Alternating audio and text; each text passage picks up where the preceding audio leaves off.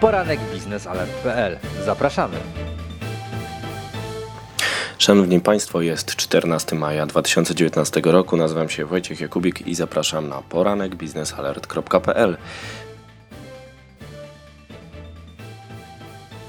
Pozdrawiam wraz z całą ekipą z Europejskiego Kongresu Gospodarczego w Katowicach, gdzie trwa e, drugi dzień, dzisiaj zaczyna się drugi dzień e, konferencji, której ważnym elementem są panele poświęcone energetyce.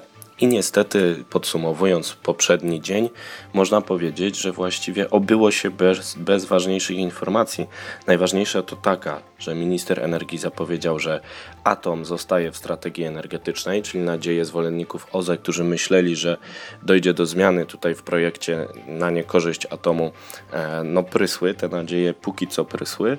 Natomiast minister powiedział też, że strategia energetyczna nadal jest w procesie przyjmowania uwag. Było ich ponad 1400, uwagi jeszcze nie zostały w całości wprowadzone i oznacza to, że na EKG również wbrew nadziejom nie został przedstawiony nowy projekt, który uwzględniałby już te uwagi, a przecież wiceminister energii Grzegorz Tobiszowski obiecał, że tak będzie. A zatem obiecanki cecanki nie udało się. E, co jeszcze wydarzyło się wczoraj? No właściwie wiele informacji nowych nie mieliśmy. Komisja Europejska poparła pomysł wspierania transformacji energetycznej w Polsce. E, profesor Jerzy Buzek przypominał, że bez wsparcia finansowego transformacji regionów pogórniczych Polska nie będzie w stanie odejść od węgla i właściwie tyle.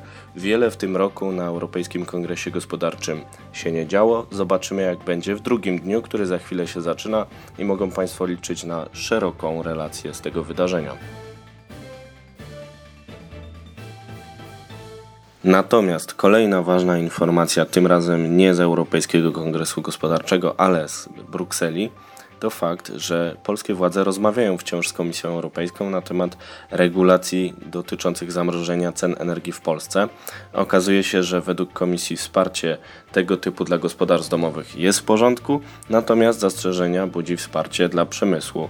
Rozmowy trwają, zobaczymy, czy zamrożenie zostanie zatwierdzone. Rynek nadal nie wie, co robić, a my obserwujemy niekończącą się dyskusję na ten temat.